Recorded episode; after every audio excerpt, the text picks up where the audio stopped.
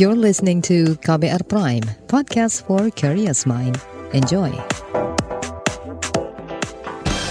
Saatnya Anda dengarkan Ruang Publik KBR. Selamat pagi. Kita berjumpa kembali dalam Ruang Publik KBR. Dan pagi hari ini tema kita adalah Bersama Cegah Kawin Anak. Siaran pagi ini bisa disimak di 104,2 MS3 FM dan juga bisa langsung ditonton lewat YouTube Berita KBR dan bisa juga streaming di kbr.id. Bagi Anda yang ingin berinteraksi, silakan Anda bisa pergunakan telepon bebas pulsa KBR di 0800 2457 893 dan juga WhatsApp di 0812 118 8181. Ya, uh, saudara, Indonesia sudah mengambil langkah progresif dan menaikkan batas usia minimal untuk menikah dengan merevisi Undang-Undang Perkawinan pada tahun 2019. Batas usia minimal untuk kawin dinaikkan bagi laki-laki dan perempuan menjadi 19 tahun. Karena sebelumnya, anak perempuan bisa dikawinkan di usia yang lebih muda, yaitu di usia 16 tahun. Namun langkah ini tidak serta-merta membuat kasus kawin anak menjadi menurun. Hanya dua bulan setelah revisi Undang-Undang Perkawinan disahkan di tahun 2019, jumlah kawin anak justru malah meningkat tajam. Menurut Mahkamah Agung ada sebanyak 64 ribu permintaan dispensasi perkawinan di tahun 2020. Dari sinilah keprihatinan yang melatar belakangi munculnya podcast Disclose Dipaksa Kawin yang juga diproduksi oleh KBR. Podcast ini sudah dirilis pekan ini dan akan terdiri dari enam episode yang akan tayang setiap hari Selasa. Lalu apa yang menjadi penyebab tingginya angka kawin anak dan apa uh, apa saja tantangan menghapus praktik ini? Nah, pagi hari ini di ruang publik KBR akan kita bahas bersama para narasumber. Ada Ibu Rohika Kurniadisari, Asisten Deputi Pemenuhan Hak Anak, Hak Anak atas Pengasuhan dan Lingkungan Kementerian Pemberdayaan Perempuan dan Perlindungan Anak Kemen PPPA. Selamat pagi Ibu Rohika. Selamat pagi semuanya. Salam sehat. Untuk Salam kita. sehat untuk kita semua. Kemudian ada Dr. Teza Farida, penanggung jawab Proker Klinik PKBI DKI Jakarta. Selamat pagi, dokter. Halo, selamat pagi.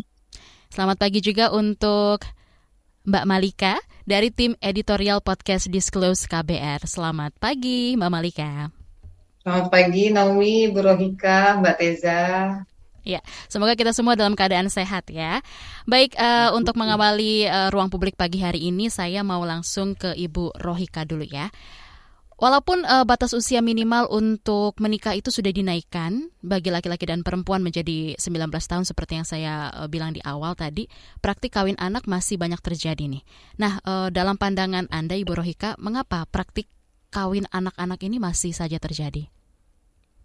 Ya, terima kasih bicara perkawinan anak eh, yang harusnya tidak dilakukan oleh seorang anak yang harusnya tumbuh berkembang ternyata eh, banyak mengalami praktek perkawinan yang dilakukan oleh orang dewasa kita semua. Artinya eh, yang melakukan akhirnya mereka eh, membuat eh, kesalahan dalam melakukan perkawinan yang masih usia anak Nah, bicara tentang perkawinan anak saat ini tentu berbeda fenomena dengan dulu saat nenek-nenek kita, saat ibu-ibu kita yang memang juga ada yang menikah pada usia anak. Namun sekarang ini dengan globalisasi tentu eh, fenomena perkawinan anak itu lebih memprihatinkan karena mereka dibesarkan dengan dunia media sosial yang begitu hebat menghantam tumbuh kembang mereka sehingga dianggap bahwa perkawinan itu sebuah uh, apa ya kebahagiaan, uh, kebahagiaan semu atau semacam retorika sebuah ya konten gitu ya mereka ingin dalam dunia sekarang ini.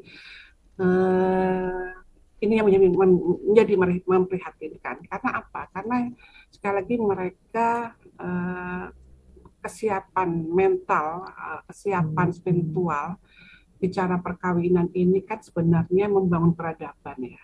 dan ini nggak mungkin bisa dilakukan ketika masih usia anak yang harusnya diasuh secara tumbuh kembangnya dengan baik, fisiknya, spiritualnya, mental, moral, uh, sosial. Nah ini yang tentu saja kita akhirnya mendapatkan uh, banyak fakta-fakta uh, bagaimana pandangan-pandangan anak yang sangat-sangat dipengaruhi oleh lingkungan-lingkungan yang membuat mereka terjebak di dalam sebuah uh, yang ini apa namanya pemahaman yang sangat keliru uh, yang sangat tidak tepat sebuah uh, perkawinan yang harusnya sebuah sakral kehidupan yang uh, butuh kesiapan. Banyak hal kesiapan mental kesiapan yang sampai ekonomi kesiapan pendidikan dan sebagainya. Nah ini ini ini soal uh, sebuah uh, tentu menjadi uh, pengabaian hak anak ya. Dan sekali lagi uh, dalam undang-undang dasar pun dalam undang-undang perlindungan anak sangat-sangat ditekankan bagaimana negara wajib bertanggung jawab untuk menyelenggarakan perlindungan anak termasuk uh, tidak melakukan praktek perkawinan pada usia anak. Artinya negara itu siapa? Semua pihak, yaitu pemerintah, pemerintah daerah, Eh, kemudian keluarga, masyarakat, bahwa juga eh, orang tua itu sendiri harus menjadi punya tanggung jawab dengan adanya uh, pengabdian hak anak. Karena sekali lagi kita dampaknya tidak melihat satu tahun, dua tahun, tapi akan terlihat lima tahun, sepuluh tahun ke depan. Dan ini bisa dibayangkan dengan data yang sangat-sangat membuat uh, kekhawatiran dan ini membuat sebuah kedaruratan sebenarnya melihat Indonesia ke depan ini kan pembangunan manusia sangat-sangat menjadi penting ya. Akhirnya uh, 1,2 juta anak perempuan dalam data 2020 itu menikah masih pada usia anak. Baik. Bayangkan kalau mereka punya anak ini ya apa namanya satu. Kalau punya anak dua bagaimana anak yang dilahirkan masih usia anak ini? Tentu sangat-sangat uh, mengkhawatirkan dengan sekarang ini berdampak stunting nah, kemudian angka kemiskinan gitu ya. Kemudian perceraian tinggi uh, banyak yang masih juga mengalami uh, belajar wajib belajar dua tahun tidak terpenuhi pekerja anak juga menjadi tinggi belum isu-isu sosial lain dampak-dampak lain yang juga angka kematian ibu, angka kematian bayi dan sebagainya. Ini nih problem uh, dampak-dampak yang sangat-sangat membuat keprihatinan kita semua. Baik, uh, Ibu Rohika, uh, sudah banyak ataupun juga upaya yang dilakukan gitu ya dari Kementerian Pemberdayaan Perempuan dan Perlindungan Anak Kemen PPPA juga punya program ya Bu ya pencegahan perkawinan anak melalui perlindungan khusus anak terpadu berbasis masyarakat atau PATBM. Ya, bisa Anda ceritakan mengenai program ini, Bu? Ya, jadi sekali lagi inilah memang yang terdekat dengan anak, terutama keluarga, kemudian masyarakat sekitar. Nah, masyarakat sekitar ini perlu ada aktor-aktor kunci yang memang sangat peduli, sangat care dengan uh, perlindungan anak. Untuk itu uh, melalui banyak yang mereka atas nama uh, masyarakat, ada yang kelompok perlindungan anak desa, KPAD, ada yang PATBM, dengan anak terpadu di masyarakat. Oh, di dalam PATBM ini banyak relawan-relawan yang juga dari aktor-aktor tingkat desa, tingkat RT, tingkat uh, RW, dan yang memang uh, mereka uh, ada yang juga uh, tidak hanya uh, care kepada dengan anak, tapi juga punya tugas sektor-sektor lain, uh, bisa juga penyuluh KP di masyarakat, penyuluh keluarga di masyarakat, bahkan PKK gitu ya.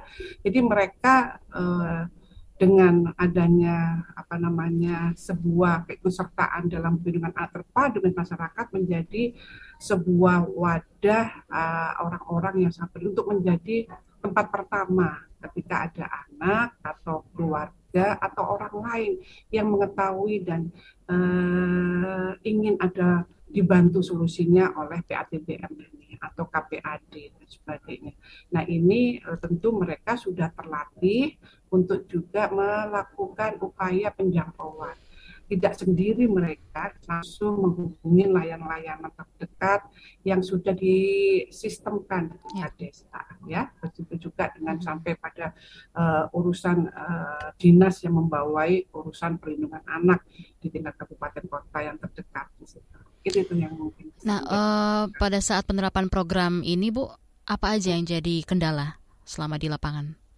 Ya bicara tantangan tentu banyak faktor tantangan ini eh, terutama masih banyak anak ini eh, apa ya punya resiliensi daya resiliensi yang rendah sehingga mereka tidak cukup kuat apa karena ketika dia punya eh, pandangan yang eh, tidak tepat untuk dia. Yang kedua masih banyak anak juga remaja hmm. yang sangat beresiko dalam perilakunya ya itu tantangan. Kemudian masih banyak uh, orang tua keluarga masyarakat menganggap ini hal uh, biasa. Hal ini turun temurun. Hal ini top privat saya gitu. Ini anak-anak saya gitu ya. Jadi mereka tidak paham bahwa uh, ini juga menjadi kewajiban negara karena dampaknya nanti akan pasti menimbulkan negara juga karena tadi anak-anak yang tadi uh, kalau berdampak buruk terhadap anak maupun ibunya. Dan masih banyak pembenar-pembenar atas nama uh, agama atas nama adat budaya gitu ya. Sehingga hmm. ini juga mendukung banyak ikan anak belum lagi memang belum tahu undang-undangnya. Belum lagi belum adanya akses layanan yang dekat dengan mereka uh, akses yang bisa diakses anak orang tua untuk bisa mencegah layanan ini. Jadi praktek-praktek uh, norma-norma yang juga belum mengubah perilaku di masyarakat ini tantangan juga itu juga koordinasi tingkat mulai dari koordinasi yang berlevel ya di tingkat pusat ini juga butuh juga sebuah uh, tantangan yang saling sinergi bersama. Nah ini tantangan-tantangan dari mulai tingkat uh, desa yang paling kecil sampai tingkat uh, ranah sistem. Baik. Nah, um, berikutnya nih, kalau dari segi kesehatan kita ke Dokter Teza ya, penetapan usia minimal untuk menikah pada anak tentunya tidak bisa dilepaskan dari kesiapan sistem reproduksi perempuan dan juga kondisi psikologis mereka. Nah, Dokter Teza, seperti apa kondisi kesehatan reproduksi sebelum seseorang itu berusia 19 tahun, baik laki-laki maupun perempuan? Oke, uh, baik. Jadi ketika berusia 19 tahun di sini artinya seseorang itu kan dianggap usianya adalah usia remaja di mana usia remaja itu adalah sebenarnya kan usia peralihan ya, ya. dari anak-anak menuju dewasa. Dan menurut uh, batasan umur di WHO bahwa remaja itu antara usia 10 sampai dengan 19 tahun. Dan pada masa remaja ini banyak banget memang ya perubahan yang terjadi dalam tubuh si remaja ini ya, baik itu perubahan secara fisiknya maupun secara psikisnya, mentalnya dan semuanya itu berubah ya. Dan ketika berkaitan dengan sistem reproduksinya atau kesehatan reproduksinya eh, bahwa setiap anak atau remaja itu pasti akan mengalami perubahan ya perubahan fisik, mental, emosi maupun seksual. Nah, perubahan fisik yang terjadi pada masa remaja itu kalau pada perempuan itu mempunyai ini ya, mencapai masa kematangannya itu antara usia 20 sampai 25 tahun.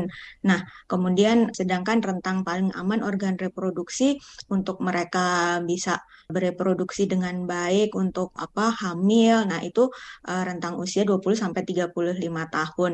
Nah, perubahan fisik yang terjadi pada masa pubertas ini merupakan masa yang paling penting ya karena dia berlangsung sangat cepat kemudian drastis tidak beraturan dan terjadi pada sistem reproduksi. Kemudian hormon-hormon itu mulai diproduksi, ini mempengaruhi juga organ reproduksi ya untuk memulai siklus reproduksinya serta mempengaruhi terjadinya perubahan tubuh. Nah, perubahan tubuh ini juga disertai dengan perkembangan bertahap ya dari perubahan seksual primer maupun seksual sekundernya. Dan untuk karakteristik dari perubahan seksual primernya ini mencakup seperti organ-organ reproduksi ya karakteristik sekunder ini perubahan dalam bentuk tubuh sesuai dengan jenis kelaminnya. Misalnya kalau pada perempuan itu ditandai dengan menars ya atau menstruasi pertama. Kemudian adanya tumbuh rambut-rambut pubis kemudian adanya pembesaran buah dada kemudian pinggulnya juga sudah mulai membesar. Nah sedang pada remaja laki-laki juga mengalami polusio atau mimpi basah pertama, kemudian disertai dengan adanya pembesaran suara, kemudian tumbuh rambut-rambut di pubis, kemudian tumbuh rambut uh, pada bagian tertentu ya seperti di dada, di ketiak, kemudian di kaki, kumis dan uh, sebagainya.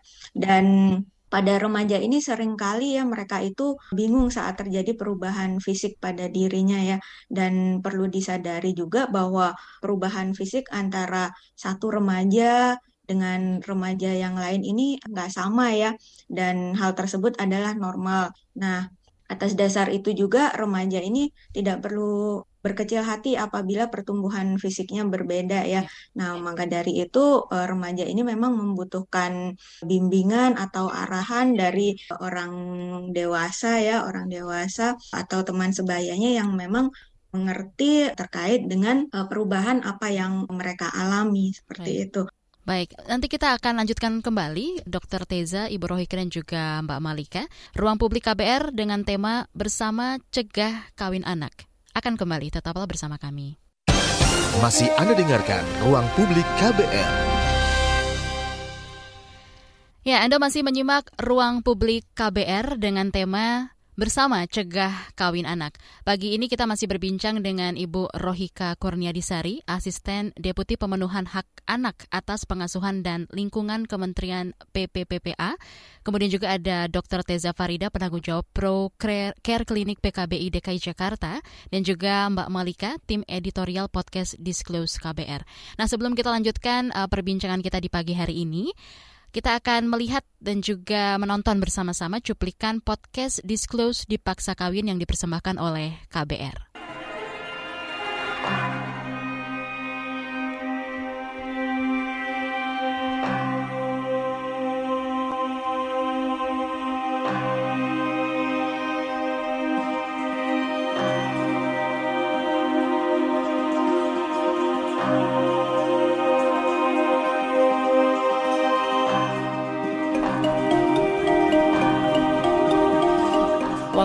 Saya sih diem aja gitu. Ya gimana sih perasaan saya tuh sebenarnya hancur waktu itu. Hancurnya apa? Yang lihat teman-teman saya masih sekolah gitu masih bermain. Kalau saya mah dinikahkan kan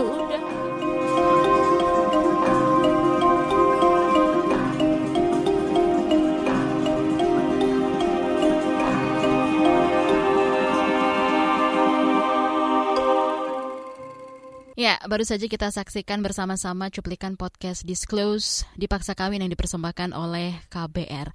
Nah, eh, kita eh, mau langsung bertanya dan juga congrats ya untuk Mbak Malika atas podcast Disclose-nya. ya, eh, ini kemarin sempat sudah launching di tanggal 23 Agustus ya, tiga hari lalu. Baik. Ya, Oke, okay. Mbak Malika sebagai wujud kepedulian akan isu kawin anak ini, KBR kan membuat podcast Disclose yang baru saja kita lihat cuplikannya. Nah, e, sebagai bagian dari tim editorial Disclose, bisa diceritakan apa saja cerita yang akan disajikan kepada pendengar? Silakan. Iya, uh, Naomi, terima kasih.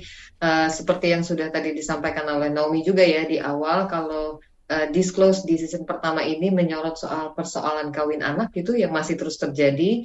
Meski sebetulnya kita tahu juga Indonesia itu sudah ambil langkah progresif ya untuk menaikkan batas usia minimal uh, menikah. Ada revisi undang-undang yang dilakukan tahun 2019 jadi anak-anak minimal baru bisa kawin itu di usia 19 tahun yang sebelumnya 16 tahun untuk perempuan jadi di serial ini kami menghadirkan satu dari tiga perempuan yang sama sekali nggak punya latar belakang hukum, begitu mereka penyintas uh, dan punya keinginan kuat untuk melindungi anak-anak perempuan dari perkawinan di usia anak. Kami hadirkan kembali ceritanya bagaimana seorang perempuan desa bisa sampai ke Mahkamah Konstitusi di 2017 untuk mendorong perubahan ini.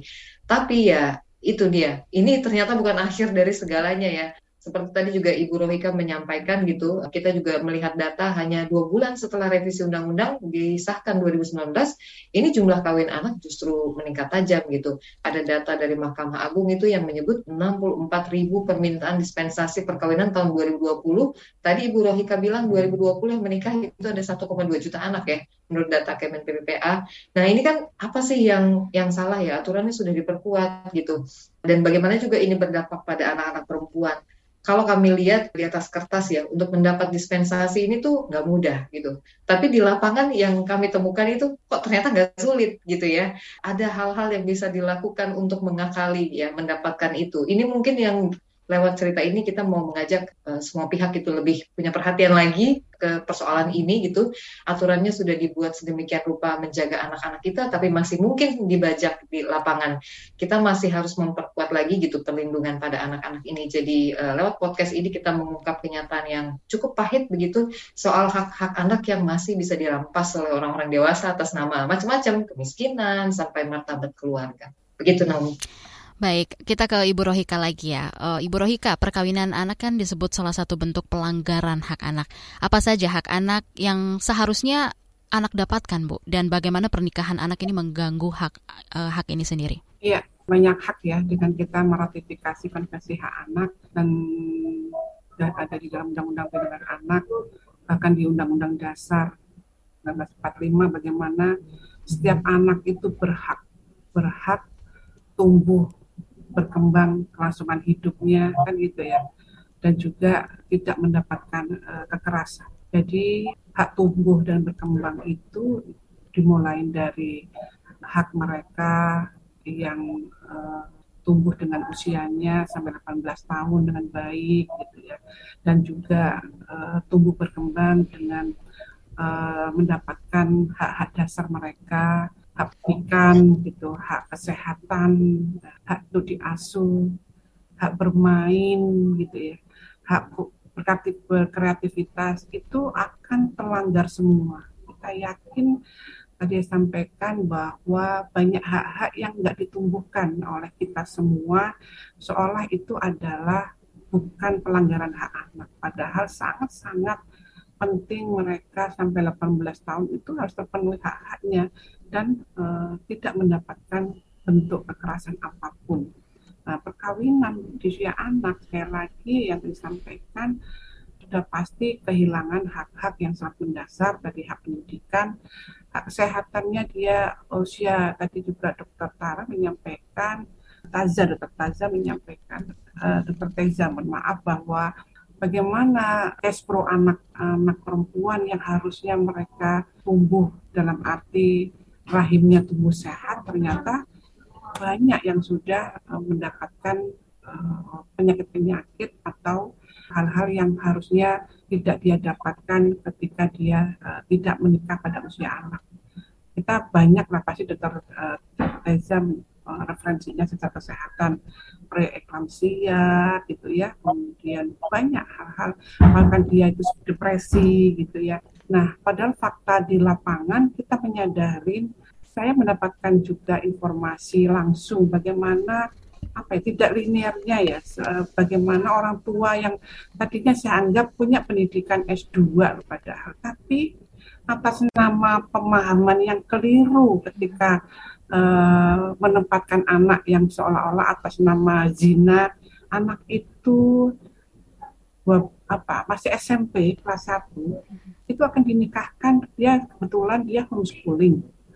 Uh, dapat guru homeschoolingnya anak usia SMA yang masih kelas 2 karena anak SMA itu adalah hafiz Quran akhirnya ibunya memaksa anak itu dinikahkan. Ya ini yang ini memaksa dalam arti ingin banget pokoknya segera segera ini nanti dia tetap sekolah kok gitu. Padahal kita bisa bayangkan ya usia SMP kelas satu kalau hmm. menikah dengan rahim yang seperti itu gitu kan tadi. Bagaimana ini uh, linearnya sebuah tantangan kita bahwa ternyata nggak serta merta ya. Padahal zina itu justru kita akan lebih uh, apa ya, meninggalkan generasi yang harusnya anaknya tumbuh justru itu lebih saya pikir uh, kenapa tidak punya pemikiran anak saya tidak zina tapi dia juga uh, bagaimana haknya dia sampai tumbuh dan dia berprestasi apa pun lah dia kan senang lah ternyata nggak uh, seperti itu yang diambil dalam sebuah apa ya pemikirannya. Saya juga uh, di saat sekarang ini yang notabene yang sangat sudah futuristik istilahnya uh, ternyata banyak masih ada gitu. Nah, ini, ini ini tantangan kita bersama meyakinkan semua pihak bahwa kami Kementerian PPPA sejak tahun 2016 secara khusus memang diperintahkan oleh Bapak Presiden uh, untuk mengawal perkawinan anak sebelumnya juga kita uh, ikut terlibat di dalam upaya pencegahan namun secara definitif 2016 bahkan akhirnya yang tadi disampaikan juga Mbak Marika bahwa uh, sangat progresif undang-undang 174 itu akhirnya uh, bisa direvisi. Dalam sejarah sulit mengubah undang-undang perkawinan, tapi karena atas nama perlindungan anak tiga bulan itu bisa uh, merubah pasal 7 yaitu uh, minimal perkawinan adalah 19 tahun. Ini ini hal yang sangat penting uh, untuk menjadi uh, kita catat bersama. Setelah itu memang uh, pemerintah uh, segera menyusun strategi nasional pencegahan perkawinan anak. Strategi nasional ini sudah diadop oleh beberapa provinsi yang tinggi berkaitan anak menggunakan strategi nasional ini. Lima hal optimalisasi kapasitas ya. anak. Jadi semua anak, wadah-wadah anak kita kuatkan, mereka akan bersuara hmm. untuk uh, perkawinan itu bukan pilihan mereka. Kemudian lewat uh, apa namanya akses layanan, pendekatan akses layanan, semua yang layanan kita jadikan pintu pencegahan untuk pelayanan mereka kalau memang terlanjur hamil, yuk kita penuhi mereka. Kemudian kita lakukan lingkungan yang kondusif untuk mendukung pencegahan. Kita minta seluruh imam desa, seluruh gereja, seluruh rumah ibadah, seluruh tokoh agama, tokoh masyarakat, yuk kita kampanyekan memang ini menyelamatkan hidup tumbuh kembang anak. Ya, ini jadi penting bersama dunia usaha, lembaga media, lembaga masyarakat dan semuanya. Kemudian koordinasi ini penting dari tingkat desa. Koordinasi ini sudah ada mekanismenya dibangun mm-hmm. sampai tingkat nasional. Dan terakhir regulasi, kita menyadari regulasi harus turun sampai tingkat desa. Beberapa desa sudah mulai membuat aturan untuk menyelamatkan warganya dengan adanya menerapkan sanksi administratif bahwa tidak akan diizinkan. Yang kedua sanksi sosial tidak akan dihadiri kemudian dipanggil dalam rapat sidang desa. Ini upaya, bahkan akan menyeleksi kembali, dapat bantuan-bantuan, kita seleksi kembali kita ingatkan, yuk. Nah, ini ini sebagai bentuk bahwa ini harus kita linier bersama tapi kita desa yang dekat dengan keluarga dan anak itu. Tadi seperti yang Ibu Rohika sempat uh, ceritakan gitu ya, ada ya. orang tua yang menikahkan anaknya yang masih usianya SMP kepada mm gurunya sendiri. Nah, berkaitan dengan itu kita ke Dokter Teza ya. Kalau di lapangan nih Dok, uh, apa saja kendala atau tantangan yang dihadapi anak yang harus jadi orang tua di usia muda? Baik itu dari sisi kesehatan fisik dan juga mentalnya? Baik, jadi memang banyak ya kendala atau tantangan yang dihadapin oleh anak atau remaja saat mereka uh, menjadi orang tua dan hal ini bisa dimulai ketika mereka uh, terjadi kehamilan ya baik itu kehamilan yang dikehendakin maupun yang tidak dikehendakin. Dan kehamilan di usia remaja ini sangat berpotensi ya untuk meningkatkan resiko kesehatan hmm. baik pada si wanita atau pada si ibunya itu sendiri maupun pada bayi yang nanti akan dilahirkan. Dan karena uh, hal ini sebenarnya tubuh si perempuan atau si anak atau remaja ini belum siap ya untuk hamil atau melahirkan karena pada saat mereka hamil kan mereka masih dalam proses tumbuh dan berkembang ya. Hmm. Ketika mereka membutuhkan tenaga, mereka membutuhkan asupan vitamin, mineral dan sebagainya untuk diri mereka sendiri untuk bertumbuh kembang. Hmm. Namun ketika ada janin yang ada di dalam kandungannya, mereka akan berbagi dengan uh, janin yang ada di dalam kandungannya ya. Dan itu untuk mereka bertumbuh kembang akhirnya tidak optimal begitupun juga dengan uh, bayi yang dikandungnya. Nah, kemudian biasanya kondisi yang muncul ya akibat hamil di usia muda yaitu yang pertama bisa meningkatkan resiko terjadinya uh, CA cervix atau kanker mulut rahim ya, di mana uh, ketika seorang perempuan atau anak atau remaja kurang dari 19 tahun mereka berhubungan seksual di mana organ uh, atau mulut rahimnya itu kan masih masih belum berkembang sempurna ya. Jadi dia masih istilahnya masih lembek banget kayak gitu. Nah, ketika berhubungan seksual, nah itu akan menjadi sangat riskan ya, sangat hmm. sangat gampang banget terluka, kemudian uh, bisa gampang banget terjadinya infeksi sehingga bisa mempengaruhi atau bisa menjadi faktor risiko untuk terjadinya kanker mulut rahim. Kemudian juga terjadinya tekanan darah tinggi atau preeklamsi ya. Jadi di usia remaja itu resiko tinggi terhadap tingginya tekanan darah ini jadi seseorang itu mungkin dapat mengalami preeklamsi yang ditandai dengan uh, tekanan darahnya tinggi, kemudian adanya protein dalam urin, kemudian ada uh, kerusakan di organ lainnya ya biasanya. Kemudian juga uh, bisa terjadi anemi ya. Ini disebabkan karena kurangnya zat besi yang dikonsumsi oleh ibu hamil, kemudian anemi pada saat ya. hamil ini dapat meningkatkan resiko bayi lahirnya prematur, kemudian saat melahirkannya sulit dan mm-hmm. bayi ketika dilahirkan sehingga menjadi berat badan bayi lahir itu menjadi rendah ya. Bahkan pada ibu muda atau ibu remaja ini bisa ada resiko meninggal saat melahirkan ya, bahwa usia di bawah 18 tahun ini karena kan dia organ pinggulnya atau panggulnya itu kan masih kecil kemudian dilalui oleh kepala bayi jadi itu bisa mempengaruhi juga ketika banyak sekali hal-hal yang membahagia, uh, membahayakan kesehatan si uh, anak ini ya dok ya Baik, Benar. Dokter Teza, mohon maaf, uh, nanti kita akan lanjutkan kembali. Ditahan dulu, uh, Ibu Rohika dan juga Mbak Malika. Kita akan kembali setelah break yang satu ini. Masih Anda dengarkan Ruang Publik KBR. Ya, kembali lagi di ruang publik KBR di pagi hari ini dengan tema bersama cegah kawin anak. Tadi sempat uh, disampaikan oleh Dr. Teza apa saja kendala ataupun juga tantangan yang dihadapi anak yang harus jadi orang tua di usia muda. Nah, Dr. Teza kita lanjut lagi ya. Uh, seperti apa ini mempengaruhi pola asuh uh, pada anak yang diterapkan oleh orang tua? Oh, baik. Jadi ini berarti berdampak pada kesiapan psikis atau mentalnya ya, ya. ketika mereka harus menjadi orang tua itu jadi ancaman yang sering terjadi adalah wanita muda atau si anak ini menjadi korban kekerasan dalam rumah tangga ya dan mereka ini belum tahu bagaimana cara eh, terbebas dari situasi tersebut dan karena belum adanya kesiapan mental pasangan yang menikah dalam menjalani uh, rumah tangga ini menyebabkan kekerasan dalam rumah tangga sering terjadi ya. Selain istri, anak dalam pernikahan dini juga beresiko menjadi korban kekerasan dalam rumah tangga dan faktanya juga anak-anak yang menjadi saksi mata dalam kasus kekerasan di rumahnya akan tumbuh dengan berbagai kesulitan ya. Seperti mereka eh, sulit berkonsentrasi kemudian terbatasnya keterampilan sosial dan di sisi lain kerap menunjukkan perilaku di lingkungan sekitarnya di lingkungan teman-temannya. Mereka ini menjadi sangat ini banget ya sangat sangat uh, nakal gitu ya kemudian uh, ada re resiko untuk depresi atau gangguan kecemasan yang berat seperti itu. Baik, ternyata sudah ada yang bergabung di line telepon KBR. Kita sapa dulu. Halo, selamat pagi Zahra. Halo.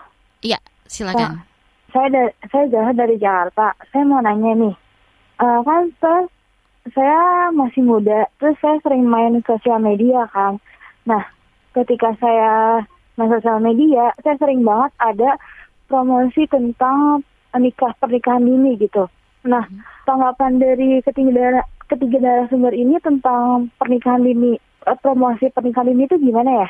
Apakah nggak ada saksinya, sanksinya atau gimana mm-hmm. tentang pernikahan dini tersebut? Ada lagi yang ingin ditanyakan Zahra? Udah itu aja sih. Baik, terima, terima kasih, kasih untuk pertanyaannya. Nah, untuk menjawab pertanyaan dari Zahra akan kita lanjutkan setelah break berikut ini. Tetaplah di ruang publik KBR. Masih Anda dengarkan ruang publik KBR. Ya, kita masih membahas soal uh, bersama cegah kawin anak bersama dengan Ibu Rohika Kurniadisari, Asisten Deputi Pemenuhan Hak Anak atas Pengasuhan dan Lingkungan Kemen PPPA, kemudian Dr. Teza Farida, penanggung jawab Procare Klinik PKBI DKI Jakarta, dan juga Mbak Malika, tim editorial podcast Disclose KBR. Nah, uh, tadi uh, melanjutkan yang sudah ditanya oleh penelpon kita di pagi hari ini ada Zahra ya. Kita mungkin minta jawaban dari Ibu Rohika dulu. Tadi Zahra menanyakan uh, dia melihat di sosial media ada banyak sekali kampanye-kampanye pernikahan dini. Apakah akan ada sanksi hukumnya seperti itu, Ibu? Silakan, silakan ditanggapi. Ya, bicara banyak sekali di media memang kampanye-kampanye yang justru kontraproduktif dalam upaya pemerintah untuk mencegah pernikahan anak. Tentu kita mempunyai cara memang secara hukum itu uh, masih memang menjadi karena tidak ada yang melaporkan bahwa menjadi korban dari kampanye itu semuanya itu. Jadi uh, belum bisa diseret dalam uh, ranah pidana.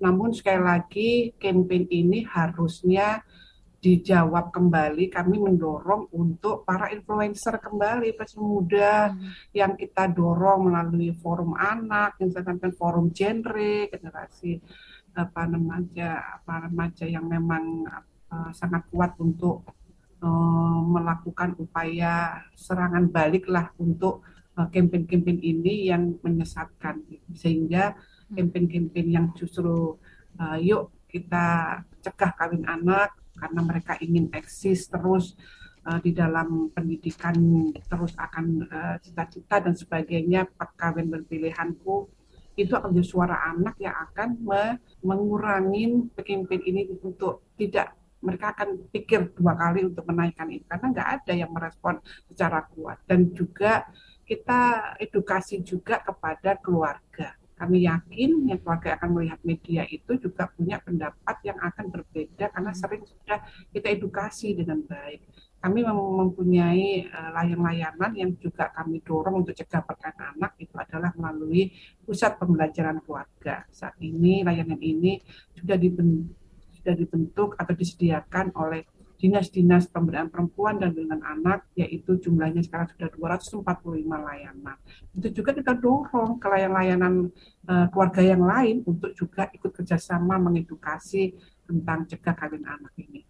Kita dorong semua dengan jejaring-jejaring kerja kami yang juga sampai tingkat masyarakat, PKK, kita ajak dasar wisma, kita uh, semua kita uh, berikan edukasi untuk tadi me, me, melawan dengan campaign-campaign yang menyesatkan. Ini akhirnya tumbuh mereka kepercayaan untuk bisa bahwa perkawinan itu sebenarnya bukan soal romantisme belaka, tapi memang butuh kesiapan yang bisa sampaikan uh, dan juga didukung oleh secara kesehatan oleh dokter Teza gitu ya. Ini ini yang uh, yang uh, jadi kami dor minta ini semua yang mendengar anak-anak muda, anak-anak remaja, anak kita semua keluarga, yuk kita lawan campaign-campaign yang menyesatkan ini. Karena sekali lagi kita banyak dampaknya ya. kita yang tidak dengar justru lebih banyak buruknya ya. Ketika mereka harusnya uh, tumbuh kembang dengan sehat, bahagia, tapi ternyata ya mengalami hal-hal yang belum siap tadi, akhirnya diri sendirilah dan anak yang dilahirkan nanti juga tidak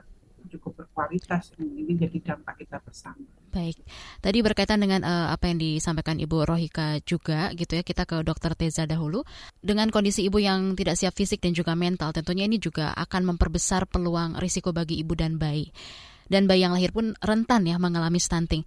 Bagaimana menurut dokter untuk memperbaiki kondisi ibu muda supaya anak yang dilahirkan nanti sehat dan ibunya pun juga sehat dok?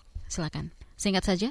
Oke, jadi kalau memang dia uh, remaja atau si anak ini udah terlanjur hamil ya, bagaimana agar anak nanti yang dilahirkannya tidak stunting. Jadi sama ya perlakuannya dengan ibu yang sudah menikah atau hamil pada umumnya. Jadi mereka harus memeriksakan uh, kehamilannya ya atau uh, antenatal care ya minimal enam uh, kali selama kehamilan ya. Jadi pergi ke layanan puskesmas atau ke bidan atau ke dokter praktek swasta atau ke rumah sakit mana pun untuk memeriksakan kehamilannya ya.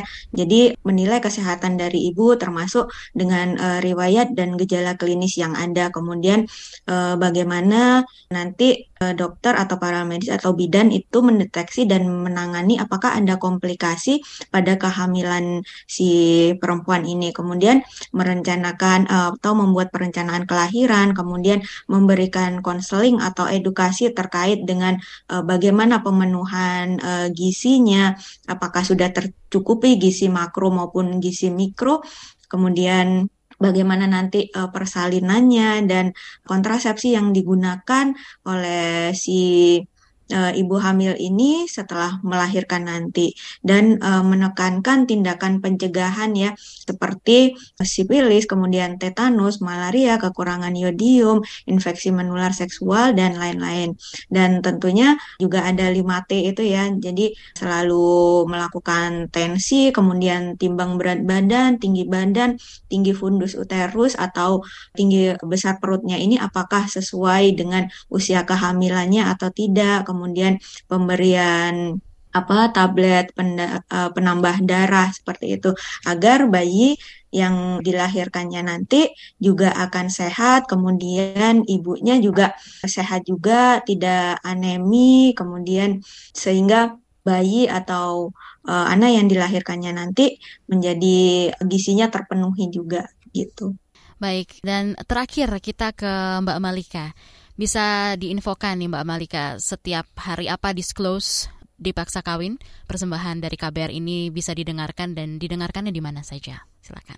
Oh iya Naomi, episode pertama sudah muncul hari Selasa, jadi episode berikutnya akan hadir di setiap hari Selasa juga ya. Bisa didengar di kbrprime.id atau di Spotify atau di aplikasi mendengarkan uh, podcast kesayangan teman-teman semua gitu. Baik, ini last but not least ya, Mbak Malika. Ini tantangannya nih singkat aja selama di lapangan seperti apa untuk uh, membuat podcast disclose ini sendiri. Ya, Silakan. Ya. Tantangannya sih mungkin ini ya soal kehati-hatian ya sebab narasumber yang kami wawancara itu usianya di bawah 19 tahun, ada perempuan korban kawin anak berulang, ada perempuan KDRT bahkan pe perkosaan gitu dikawinkan di usia anak juga. Jadi eh, bagaimana wawancara itu tidak membuat trauma-trauma ini muncul kembali, juga meminta konsen mereka bahwa cerita mereka ini boleh dibagikan kepada kita semua hari ini, bagaimana mereka merasa nyaman dan aman gitu ya tantangan-tantangan ini yang sudah jawab. Tapi sebetulnya juga yang nggak kalah eh, berat adalah tantangan mengajak masyarakat punya kepedulian lagi nih terhadap isu ini. Kenapa? Karena saking udah seringnya kita melihat peristiwa ini terjadi di sekitar, pemberitaannya juga marak, bahkan sering viral, tapi uh, komentar yang muncul dari pemberitaan itu sangat tidak ada empati terhadap anak-anak. Nah ini kita ngelihat akan semakin sulit mungkin ke depan kalau kita tidak punya rasa empati terhadap kasus ini untuk mencari solusi-solusi bagaimana mengatasi persoalan ini begitu itu mungkin ya tantangan yang sangat terasa. Kalau secara teknis mungkin karena liputan ini dikemas dalam bentuk podcast investigasi ini satu hal baru bagi kami juga tapi kami dapat bantuan uh, dari uh, Global Investigative Journalism Network ada mentor yang mereka sediakan Susan Reber uh, ini eksekutif produser untuk banyak podcast investigasi jadi kami sangat terbantu di sisi teknis ini. Baik, terima kasih banyak. Ini mohon maaf sekali karena keterbatasan waktu. Ruang publik KBR hari ini harus kita akhiri. Dan jangan lupa untuk Anda pendengar bisa dengarkan podcast Disclose ya, yang akan tayang setiap hari Selasa. Baik, terima kasih sekali lagi untuk ketiga narasumber kita di pagi hari ini. Demikian Ruang Publik KBR dengan tema Bersama Cegah kawin anak. Terima kasih untuk Ibu Rohika Kurniadisari, kemudian ada Dr. Teza dan juga Mbak Malika. Saya Naomi Liandra, pamit undur diri. Selamat pagi. Baru saja Anda dengarkan Ruang Publik KBR.